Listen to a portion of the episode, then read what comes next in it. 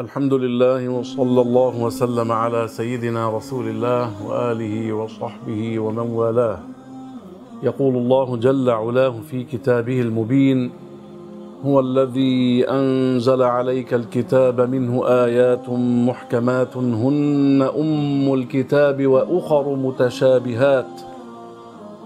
فأما الذين في قلوبهم زيغ فيتبعون ما تشابه منه ابتغاء الفتنة وابتغاء تأويله وما يعلم تأويله إلا الله والراسخون في العلم يقولون آمنا به كل من عند ربنا وما يذكر إلا أولو الألباب الله سبحانه وتعالى لحكمة بالغة جعل آيات القرآن على ضربين آيات محكمات وآيات متشابهات.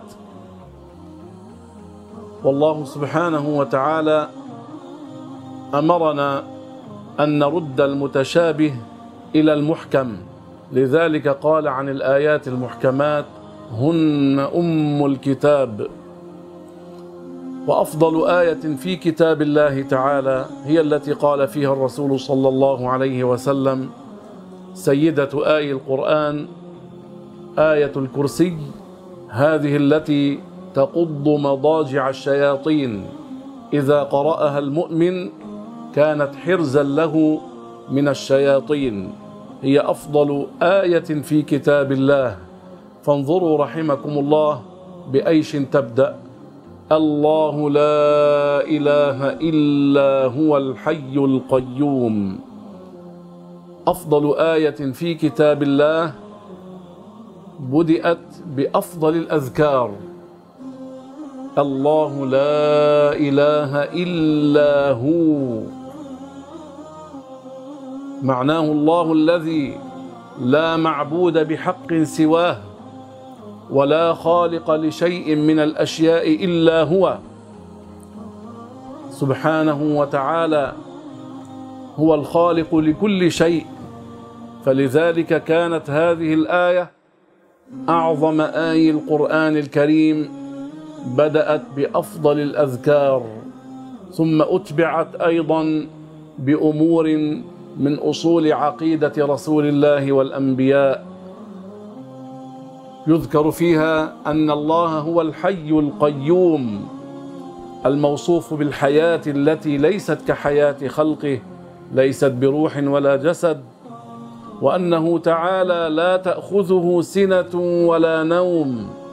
فالله عز وجل لا يلحقه تعب ولا نصب ولا نعاس ولا نوم لأن ذلك إنما يصيب المخلوق الضعيف. والله تعالى هو القوي المتين الذي لا يوصف بأوصاف المخلوقين. لا تأخذه سنة ولا نوم له ما في السماوات وما في الأرض أي له ملك كل ما في السماوات وكل ما في الأرض هو المالك الحقيقي للأشياء. أما نحن فما نملكه فعلى المجاز. لا نملك الأشياء على الحقيقة. إنما هي ملك لربنا. الأمور التي في ملكنا هي ملك لله تبارك وتعالى. لذلك لا يجوز لنا أن نضع ما أنعم الله به علينا في معصيته لأنه لا يرضى أن نعصيه. له ما في السماوات وما في الأرض من ذا الذي يشفع عنده إلا بإذنه. أي من ذا الذي يشفع يوم القيامة؟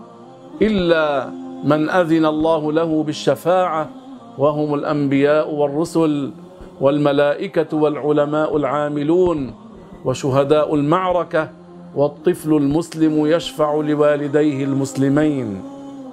من ذا الذي يشفع عنده إلا بإذنه يعلم ما بين أيديهم وما خلفهم فالله عالم الغيب والشهادة لا تخفى عليه خافية. ولا يحيطون بشيء من علمه إلا بما شاء.